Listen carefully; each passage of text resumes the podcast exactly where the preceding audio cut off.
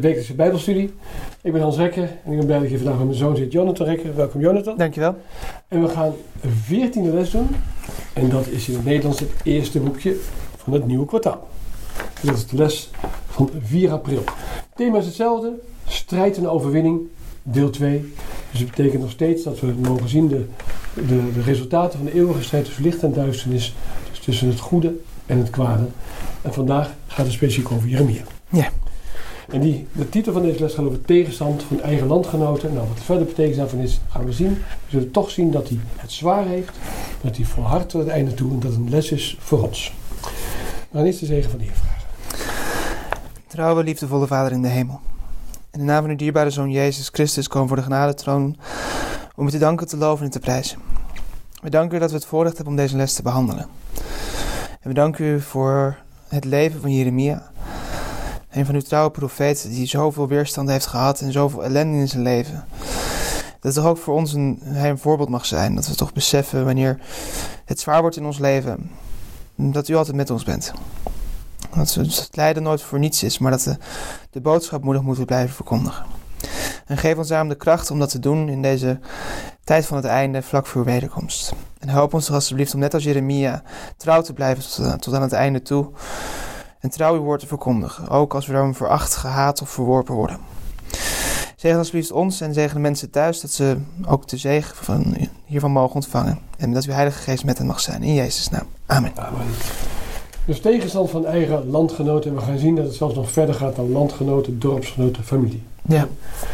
Um, nou zijn wij familie. We zijn vader en zoon.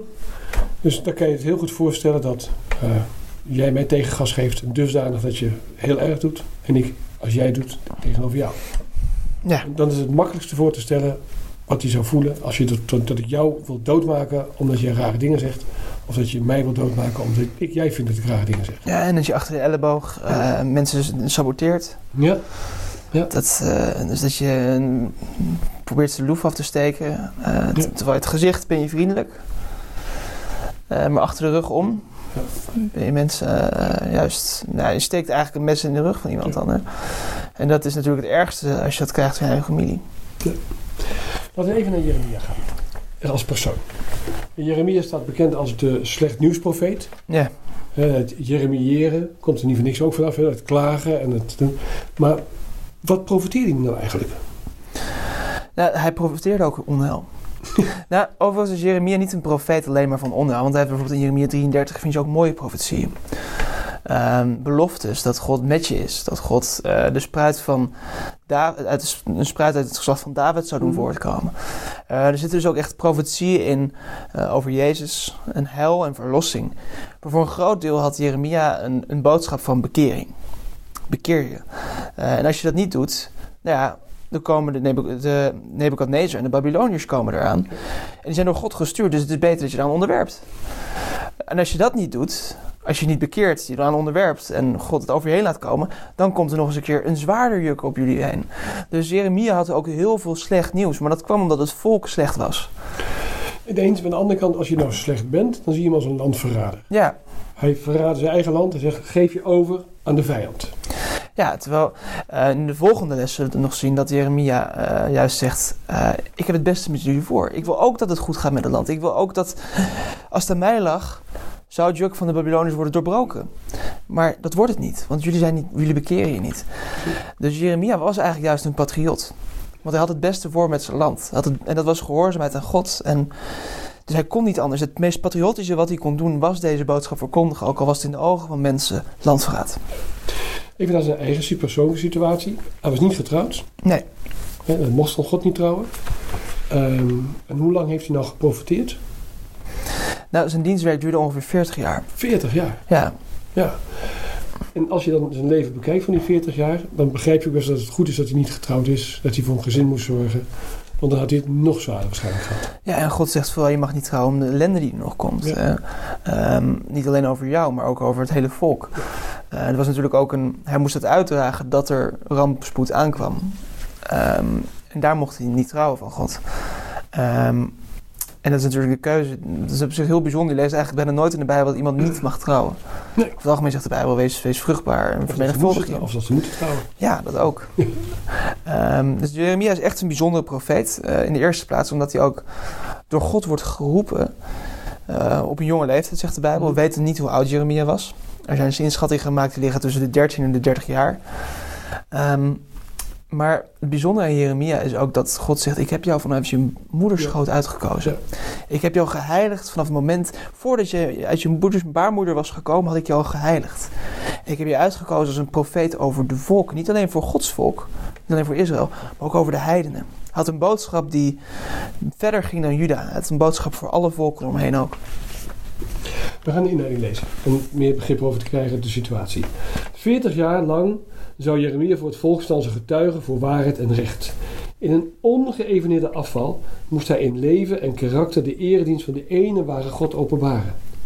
Tijdens de vreselijke belegeringen van Jeruzalem zou hij de spreekbuis van de Here zijn. Hij moest de ondergang van het huis van David voorzeggen, als ook de verwoesting van de prachtige tempel die Salomo had gebouwd. En als hij gevangen gezet zou worden vanwege zijn onbevreesde uitspraken, moest hij toch nog onbevreesd zijn stem verheffen tegen de zonde van de vooraanstaande. Veracht, gehaat, door mensen verworpen, zou hij tenslotte de letterlijke vervulling zien van hun eigen profetieën van de naderende ondergang. En delen in de smart en jammer die zouden volgen op de verwoesting van de gedoemde stad. Nou, dat is de context waarin Jeremia moest werken. Ja, het is niet een, een baan die je ambieert. Nee.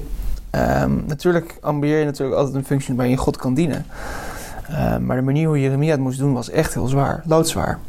We gaan straks aan het einde van de les nog zien, als je denkt dat het zwaar is, dat het nog zwaarder kan worden. Ja. Het eerste kopje heet Weerstand tegen de profeet van de Heer en zijn boodschappen. De eerste vraag zegt, gaat over waar Jeremia vandaan komt. Om gewoon iets te begrijpen over zijn situatie. Waar komt hij vandaan? Jeremia was eh, geboren en eh, daar kwam hij ook vandaan. Woonde hij waarschijnlijk in, in Anatot. Ja. Eh, en Anatot lag in de stam Benjamin. Eh, en lag zo'n, volgens mij is het 10 kilometer van Jeruzalem vandaan. Ja. Ongeveer. dicht bij Jeruzalem ongeveer. Het lag vlakbij Jeruzalem. Ehm, en eh Anatot was een stad voor priesters. Mozes, toen het land werd verdeeld, had bepaalde plekken aangewezen Mhm. waar de priesters moesten wonen en de levieten. En eh Anatot was zo'n plaats. Dus hij kwam uit een geslacht van priesters, dat zegt, staat er ook in de Bijbel. Ehm, en hij kwam uit een, een stad waar heel veel priesters woonden. Dus zijn dorps- en, en stadsgenoten waren over het algemeen levieten en priesters. Mensen die Gods wet en Gods wil zoveel mogelijk moesten kennen. Dus in die zin is het een, eigenlijk een prachtige historie. Een goede omgeving. Een godsdienstige omgeving. Hè, waar je in voorbereid werd. Dat hij, zo hij ook altijd voorbereid werd om het priesterwerk te gaan doen. Ik wil nergens vinden dat hij dat op die manier ook gedaan heeft. Maar wel dat hij dat moest doen. En het mooie is ook dat hij groeide op in de tijd van een rechtvaardige koning. Er zijn er niet zoveel in de geschiedenis van Israël en Juda Nee. aan te wijzen. Er zijn er geloof ik maar vier in, eh, in de geschiedenis van Juda die oprecht echt God dienen. Ehm Josia, Hiskia, eh, David. Is natuurlijk ook een belangrijke. Maar, eh, en eh, En dit is bij Josia. precies. Ja. En Josia is een, en die koning die de hervorming deed. Ja. Ehm, die weer terug wilde gaan naar de wet van God. En over Jozef is bekend dat hij Gods wet het beste hield van alle koningen van voor hem en die er na hem zijn geweest. Hij was echt degene die Gods wet het meest nauwkeurig wilde houden. Mhm. dat, was zijn- dat was kenmerkend voor de regering van Josia. En in die, in die omstandigheden groeide Jeremia dus op. En dat is op zich mooi, een mooie omgeving in, om op te groeien. En ehm, uit de opmerking lezen we ook dat het, hij had gehoopt, onder hen die hadden gehoopt op een blijvende geestelijke opleving als gevolg van de hervorming onder Josia, bevond zich Jeremia, die door God tot het profetisch ambt geroepen in het dertiende jaar van Josias regering, toen hij zelf nog een jonge man was. Precies. Ja. En hij voelt zichzelf ook hier. Ja, dat Hè? lezen we ook inderdaad in zijn verhaal. Ja, dat is het mooiste van zijn karakter. Hij zegt hij voelt zich niet geschikt om het werk te doen. Ja, en dat is op zich heel goed, want juist als we ons onwaardig voelen uit onszelf, Ja. dan kan God ons gebruiken. Omdat God zegt, ja, maar met mij lukt het je wel. Terwijl als je zegt, ja, het lukt mezelf wel, dan kan God je juist niet gebruiken. Want hoe kan God jou werken als je het zelf allemaal denkt te kunnen? De tweede vraag gaat een paar stappen verder gelijk. En in die zin is zijn les altijd heel wat grote sprongen ga je door een verhaal heen. Hè. We moeten door 40 jaar van het leven van Jeremia. We doen eigenlijk niks met deze les op dat punt. We zijn een stuk verder. Eh, wat heeft de Heer hem geopenbaard? Jeremia, ehm, we we gaan nu naar Jeremia hoofdstuk 11. Ja. krijgt van God te horen hoe mensen om hem heen over hem denken. Ja. En eh, hij zegt over zichzelf: Ik was er argeloos als een lam dat ter slachting wordt geleid. Hij was er dus volledig onbewust van. Hij was er naïef in. Ja, En dat is op zich een mooie eigenschap ook, hè? Want daarmee denkt, denkt hij ook niet kwaad van andere mensen. Ja. Want hij dacht niet van, ja, ze zullen dit wel, ze zullen dat wel. Nee, argeloos. En Ja. wat was nou de wat was, waarin was hij nou argeloos? Wat liet de Heer hem nou zien? Wat, wat moest hij echt gaan zien? eh, om, om te beseffen wat er aan de hand was. Jeremia krijgt te horen. eh, want ik wist niet dat zij tegen mij plannen bedachten door te zeggen. Laat wij de boom met zijn vruchten te gronden lichten. Laat hem uit het land der levenden afhakken, zodat er zijn naam niet meer gedacht wordt. Zonder proza. Wat staat er letterlijk? God heeft hem laten zien dat mensen hem wilden vermoorden. Ja, En achter zijn rug om samenzweerden om precies. te doen. Dus dat is het triest waar hij achter komt dat hij, omdat hij een profeet was, hij was bezig al een tijdje, om tot een bekering op te roepen, dat ze hem willen vermoorden. Ja, en het, het, is natuurlijk. Dit is niet alleen, geldt niet alleen voor Jeremia. Maar ook in het geval van Jezus gold het. Dat er men, nou, Jezus, we kennen allemaal de samenzwering van de schriftgeleerden en fariseeën. Ehm, om Jezus uiteindelijk te doden. En zo gaat het ook steeds meer naarmate de einde van de wereld komt. Dat er steeds meer scheiding komt tussen de mensen die trouw zijn aan Gods wet, aan Gods wil. En tussen de wereld. Dat er mensen om ons heen zullen zijn die eh, achter onze rug spreken. Die ons achter onze rug zwart maken. En misschien nog wel erger. Ja. Naarmate het einde steeds dichterbij komt. Het laatste deel van deze tweede vraag is, hoe reageren trouwdienaren van God nou op dergelijke kwaden? Dat staat in de opmerking, niet echt in de bijbeltekst. Het, de opmerking kunnen we halen en ik, kan, ik parafraseer hier en daar een beetje. Gods uitverkoren dienstknechten moeten moedig en geduldig de beproeving en het lijden onder ogen zien. Dat hun deel zal zijn, dus het, het komt je toe. Het Mhm. hoort erbij. Mhm. Zal zijn door smaad, veronachtzaming en in onjuiste voorstelling. Dus we weten hieruit dat mensen ons verkeerd zullen voorstellen. Zo van ze hoddelen. Smaad is ook verkeerd spreken terwijl er geen grond is. En veronachtzaming is dat je ehm, ja, dat mensen klein, klein, kleinnerend over je doen. Maar En, en even, dat is dus niet leuk, hè? Als mensen, nee, als je naast de omgeving, want het gaat over de plaatsgenoten, dus uit jouw woonwijk, waar je op school gezeten hebt, waar je mee werkt, dit met je doen.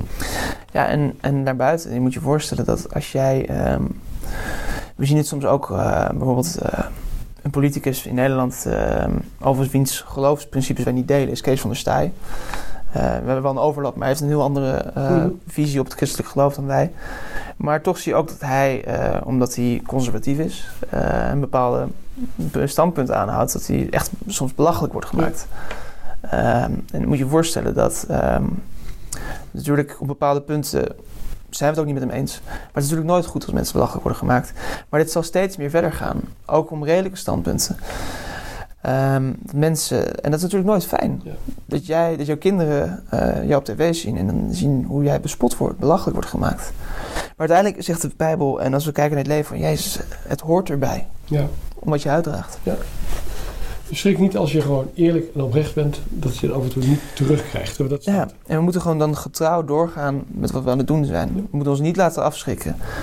En ehm, er is een ander citaat, wat er hier niet in is opgenomen, is een, waarin Zuster schrijft dat naast ons staat een engel die het allemaal opschrijft. Ja. God ziet het. We hoeven onszelf niet te rechtvaardigen, we hoeven onszelf niet te vergelden. God ziet het. En dat is voor ons voldoende. De derde vraag loopt een beetje over van de tweede vraag. Want de derde vraag is hoe intens haten ze nou? Dat hebben we op zich al gedaan, hè? Mhm. moordplannen. Maar het tweede deel is wel, wat hebben ze hem onder, onder doodsbedreiging opgedragen om niet meer te doen? Dus het was niet zomaar dat ze mensen geniet maar ze gingen naar hem toe en wat, mo- wat mocht hij niet meer doen? Ja, en het zijn dus, eh, hier worden de mensen geïdentificeerd inderdaad. Daarom zegt, zo zegt de Heer over de mannen van Anatot. Wat waren die ook alweer? Die waren priesters ook? Precies. En levieten. Ja. Mensen die Gods wet het beste kenden. Ja. En ehm, die zeggen tegen hem... Profiteer niet in de naam van de Heer... opdat u niet door onze hand sterft. Dat is gewoon een bedreiging. Dat is een rechtstreeks doodsbedreiging. Ja, Dus als je je mond niet houdt, maken we je dood. ja. Ja, dan, ben je, dan moet je stevig in je schoenen staan om dan toch door te gaan. ja en dit is natuurlijk dit is ook de standaard manier... Hoe, eh, een van de manieren hoe Satan werkt. Hij probeert altijd... Als er iemand is die Gods boodschap Mhm. getrouw vertelt... en dat op een goede manier doet... dus als er niets op hem is aan te merken... En dat zie je bijvoorbeeld in het leven van Jezus, in het leven van Jozef. Dat zie je in het leven van Daniel. Want als er iets op jou is aan te merken, dan probeert hij via die weg. Dan zegt hij, ja, maar die kan niet vertrouwen, joh. Hij heeft een eh, slecht karakter. Hij eh, heeft ook zwakheden. Moet je niet op afgaan. Maar als er niets op jou is aan te merken, zoals Daniel, Jozef en Jezus en Jeremia, dan speelt hij het zo. Dan wordt het steeds gemener Ja. en vuiler. Als je niet op de man kan pakken, dan probeert hij het via de andere mensen te doen. En dat zie je hier ook. En dan Satan zal trachten zich daarin te mengen en de arbeiders te ontmoedigen om te beletten dat de waarschuwende boodschap van het licht in de voorname, maar ook in de afgelegen plaatsen wordt verkondigd. Ja. Nog een stukje uit de opmerking, toch om de, vooral als oproep om vol te houden. Het moet gebracht worden tot allen, en dan zal het tot een getuigenis zijn of ze willen horen, Ja. of dat ze hun oren dicht stoppen. Een stukje verder staat, alleen de kracht Gods kan de hart van de mensen week maken. U moet het woord des levens verkondigen. Dus dat betekent dat we iedereen die we eigenlijk ontmoeten toch een kans moeten geven om het woord van God te horen. Ja. Want dat is natuurlijk, zoals ik er naar kijk en jij ook. Het gaat niet om dat we iets moeten vertellen. Nee, we geven een kans dat ze God leren kennen. Dat er een uitweg is van deze wereld, een uitweg uit deze crisisperiode, die is God. Die biedt God zich. Ja, een bekende evangelist, Billy Graham, die zei... eh, The gospel is a proclamation. Het evangelie is een afkondiging. Het is geen discussie, het is geen debat. Nee. Je vertelt, Jezus voor jouw zonde gestorven. Neem het aan Ja. of verwerp het. En meer hoeven wij niet te doen, we hoeven het alleen maar af te kondigen. Ja. Mensen vertellen. En daarom doen we deze video ook. Ja. Klinkt wat raar, maar dat is niet omdat we, het zo, dat we vinden het best leuk om te doen. Dat is leuk één kant. We leren er zelf heel veel van. Maar vooral om het te vertellen. Het is namelijk, Jezus komt gauw weer. En dat willen we graag op allerlei manieren duidelijk maken. Via het internet en live. Ja. We gaan het volgende kopje. Onverbeterlijke rebellie en de gevolgen daarvan. Want zo word je gezien als rebel als je niet schikt naar de gewone orde. Wat zou met de mensen gebeuren vanwege hun grove kwaad en het falen om zich te bekeren en Gods gerechtigheid te zoeken? Ja, God reageert. eh, eh, het- is nog steeds één tekst die doorloopt in deze ja. vragen. Ja. Het gaat dus over die man in Anatot, de priesters, de levieten. Die eh, Gods naam weliswaar beleiden met hun, met hun mond, maar niet accepteren in hun hart. En over hen zegt God, omdat ze dit dus zeggen over Jeremia, daarom zo zegt de Heer van de legermachten, zie, ik ga hen straffen.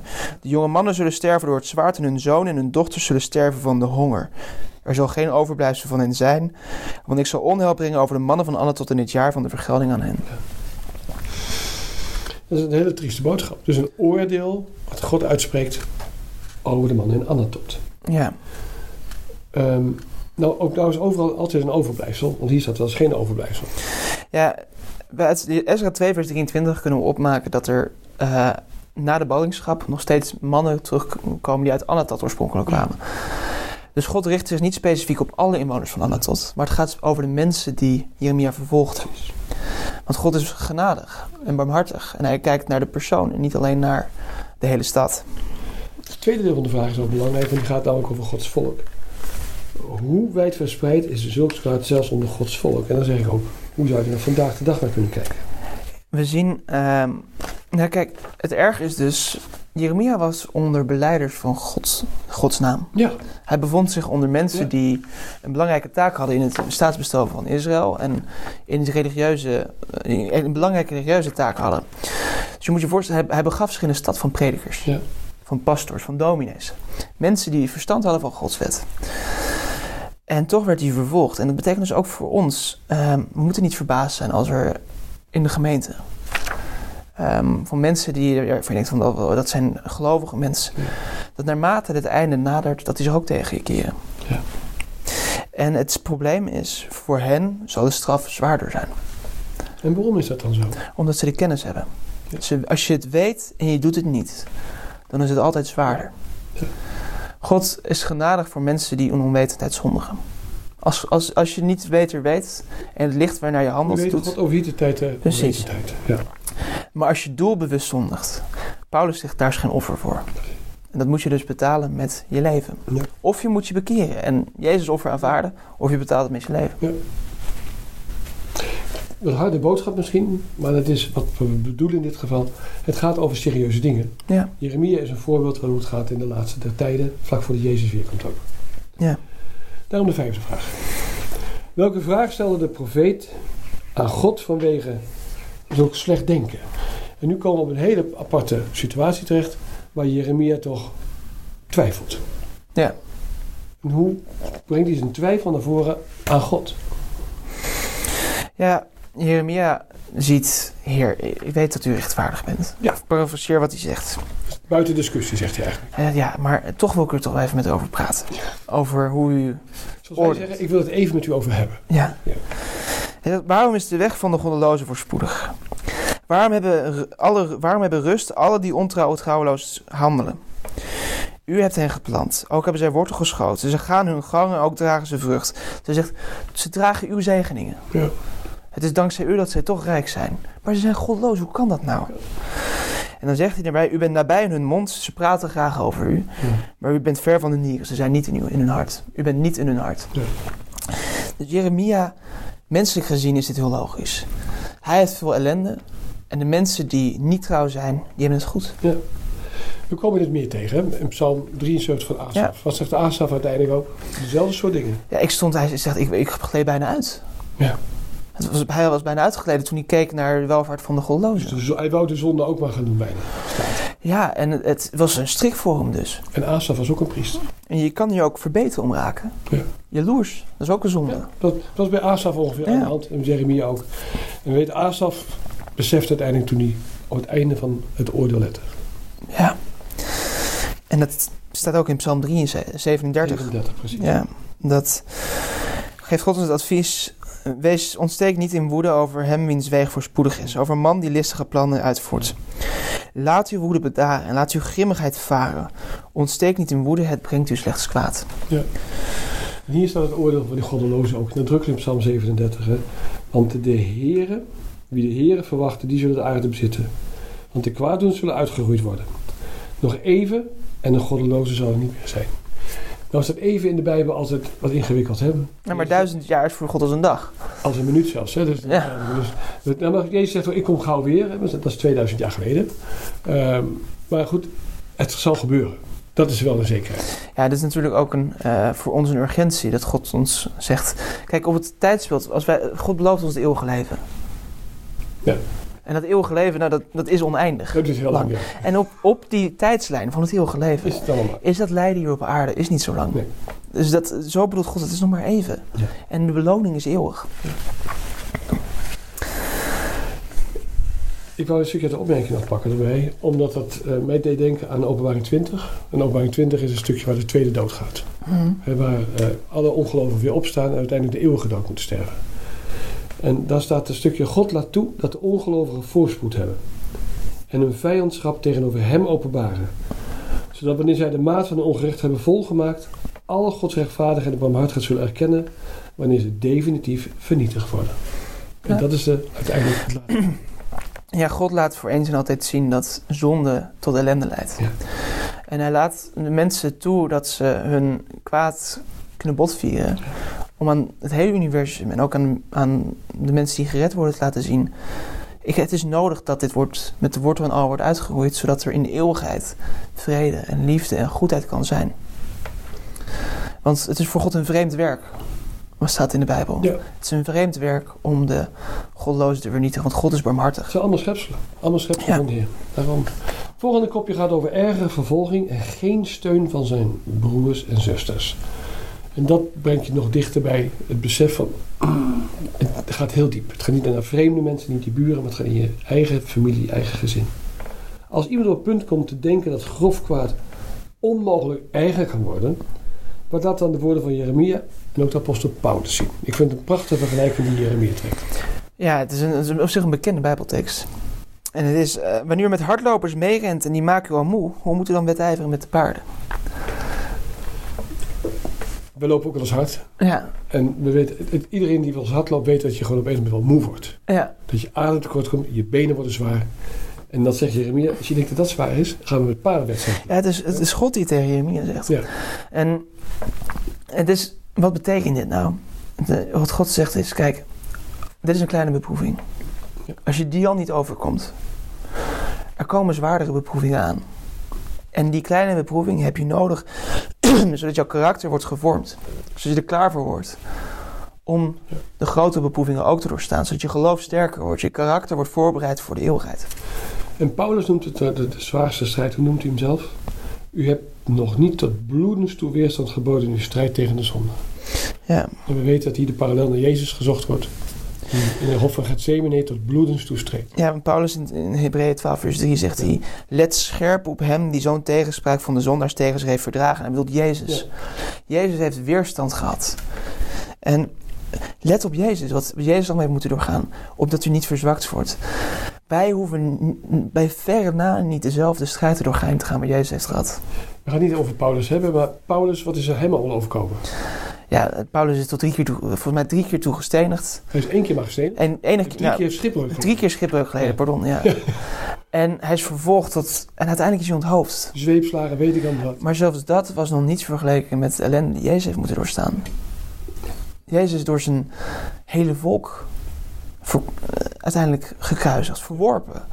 Voor de mensen die, voor wie hij is gekomen om hen te redden. En op dezelfde manier, wanneer wij zondigen, dan nagelen we weer een spijker in het kruis van Jezus. Want het is voor mijn zonde dat Jezus moest sterven. En het is een beetje hard onder de riem. Het klinkt wat raar voor iedereen die denkt, ik heb het zwaar nu. Dat zal best. U heeft het best zwaar. Soms hebben wij het ook zwaar. Maar het- er komt een tandje bij. En dat is niet om dat het bange te bange te maken. Maar denkt u wat terug. Als u met hardlopen moe wordt, met paarden met hardlopen is het nog een stukje zwaarder. Als we trouw zijn aan God, zal God nooit toestaan dat we nutteloos lijden. Nee. Ehm, Jozef moest ook lijden, maar dat had een functie. Jeremia moest lijden, maar dat had een functie. Jezus heeft voor ons geleden en dat had een functie. Daarmee zijn wij voor altijd gered. Dus voor ons heeft God een belofte dat al het lijden, als u trouw bent aan God, al het lijden wat u doorheen gaat, dat heeft een, heeft een nut en een functie om u te helpen, om uw karakter te vormen en u verder te ontwikkelen. Zodat u misschien een baken van licht kan zijn voor andere mensen. Andere mensen kan bem- bemoedigen dat u toch nog trouw bent aan God en vasthoudt aan uw geloof, ook al is het zwaar heeft. Dus het is het lijden wat we hebben in ons leven. Als we ons leven overgeven aan God, is nooit zonder nut. Stukje uit de opmerking op bladzijde 10. Maar als het begin van hun vertrouwen toe tot het einde toe standvastig bewaren, zal hij hun de weg duidelijk maken. Ze zullen succes hebben als ze strijden tegen de schijnbaar onoverkomelijke moeilijkheden en met succes zal de grootste vreugde komen. En het staat alleen niet bij wanneer. Het kan soms later zijn. We gaan naar de laatste vraag. Ja. Hoe ernstig was nou de vervolging tegen de profeet? Ja, God maakt hem duidelijk dat in de eerste plaats de zware beproeving voor Jeremia geeft God vorm. Ja. Hij zegt, oké, je bent verworpen door je landgenoten. En die hebben het goed. Maar het is nog zwaarder. Ook uw broeders in het huis van uw vader. Ook zij handelen trouwloos tegenover u. Ook zij roepen u luid na. Vertrouw hen niet als ze vriendelijk spreken. Wow, dat is heftig. Hè? Dus Ja. als ze dan een keer vriendelijk zijn, dan zijn ze het niet te vertrouwen. Ja, dan willen ze misschien wat... Of dan hebben ze spelen ze, mee? hebben ze een bedoeling mee die verkeerd is. En dat is heel vervelend als je eigen familieleden, de mensen die je vanuit de natuur het meest zou moeten vertrouwen. Mhm. Je, je kan er niets aan doen in welke familie je wordt geboren. Als dat zo'n relatie is. Maar ook Jezus had die. Precies, die parallel willen we nu trekken. Wie maakt nou diezelfde bittere ervaring mee? Ja, Jezus. Want. Jezus werd niet alleen verworpen door de inwoners van Nazareth. En zei, ja, een profeet is nooit geëerd in eigen land. Nee. Maar ook in eh, Johannes 7 vers 5 staat, want ook zijn broers geloofden niet in hem. Precies. Zijn broers wilden niet accepteren dat hij de Messias was. Het zijn, waren de, Pas- zijn halfbroers, dat waren de eerste kinderen van Ja. Jozef. Ja, Na zijn dood en na zijn opstanding hebben ze geloofd. hebben ze wel geloofd. Ja. Ja, dat is ook de troost in dit geval. Hè? Ja. Dus ook, als je, ook al kan je heel veel weerstand in je directe omgeving tegenkomen, misschien van, ook van je broers of zusters of van je ouders of van je familie. wil niet zeggen dat het hopeloos is. Dan mag je kijken naar de broers van. Jezus. Die uiteindelijk ook bekeerd zijn. Er kan een moment komen dat ze gewoon zeggen, dat is het. God werkt aan de harten van mensen. Ja, en hierin zit ook de les dat we nooit moeten vertrouwen. Ons hele vertrouwen moeten zetten op mensen. We moeten ook mensen niet te wantrouwen, begrijp me niet verkeerd. Eh, we moeten altijd uitgaan van het goede van mensen zoveel mogelijk, maar niet naïef zijn. Maar het belangrijkste is dat we ons geloof en vertrouwen op God stellen. Want God stelt nooit teleur. We gaan eh, uiteindelijk voor verdere studie. Ehm, en dan wil ik eigenlijk de, maar een paar zinnen uit voorlezen. Want over Jozef heb jij al gesproken. En dus dat hebben we al aangeraakt erin. Sommigen kunnen het hoogste pijl van geestleven alleen bereiken door een regelmatige verandering van zaken. En dat bracht mij op de gedachte, kijk, de enige constante wat er is, is verandering. En dat is goed om te onthouden. Als mensen zeggen, ja, maar zo was het altijd. Het zal nooit meer zo zijn. Ja, Ja, maar het was altijd al zo. Ja, maar zo is het niet meer. De verandering blijft constant veranderen, omdat we dat nodig hebben. Omdat we afhankelijk moeten zijn van God. Als we namelijk allemaal de constante hebben, het gaat iedere morgen hetzelfde en iedere week hetzelfde, Waar is onze afhankelijkheid van God dan nog? En het probleem is ook dat we ehm, dingen. we- als we, dan gaan we dingen voor lief nemen. Ja. Als het leven nooit verandert. Ja. Want het zijn juist bij de veranderingen die onverwacht zijn dat we ons geloof wordt getoetst. We moeten schakelen, we moeten denken, oeh, Mhm. er gebeuren dingen. En dan moeten we op God vertrouwen, Heer, ik kan hier niet op voorbereid zijn geweest. Ik weet niet wat ik moet doen. Help me. En dan zegt God, ik help je. Dus het zijn de veranderingen in ons leven, bijvoorbeeld doordat vrienden ons verraden. Of dat vriendschappen afsterven. Dat kan gebeuren in ons, in ons, door ons geloof of door andere dingen. Ehm, en dat God dat duidelijk maakt aan ons dat we op Hem moeten vertrouwen, dat we dichter tot God komen. En dat we niet moeten afgaan op wat mensen zeggen en wat mensen doen. Want uiteindelijk is er maar op één op wie we echt kunnen bouwen. En dat is de rots der eeuwen. En dat is Jezus. We sluiten deze les af. Het ging- gaat een les over Jeremia. En Jeremia laat zien dat hij er echt alleen voor staat. Eh, maar dat hij niet geaarzeld heeft. Hij heeft niet geaarzeld toen hij jong was. En hij heeft niet geaarzeld in 40 jaar zijn dienstwerk. En daarom is hij een prachtig voorbeeld. Ja. Ook al is je hele omgeving tegen je. Als je weet dat je Gods werk doet, hou vol. Hou vol, want we weten dat hij het doorstaan heeft. We hebben de voorbeelden van Jozef gezien die onschuldig gevangen genomen werd. We hebben Jezus zelf als grote voorbeeld. Dus onze grote verlosser heeft het ons voorgedaan en zal met ons zijn als wij trouw zijn. Ik wens u daarom vooral trouw toe. Trouw in het geloof, standvaster als een rots. En uiteindelijk we de kroon, de beloning krijgen. Ik geef wens u graag God zegen.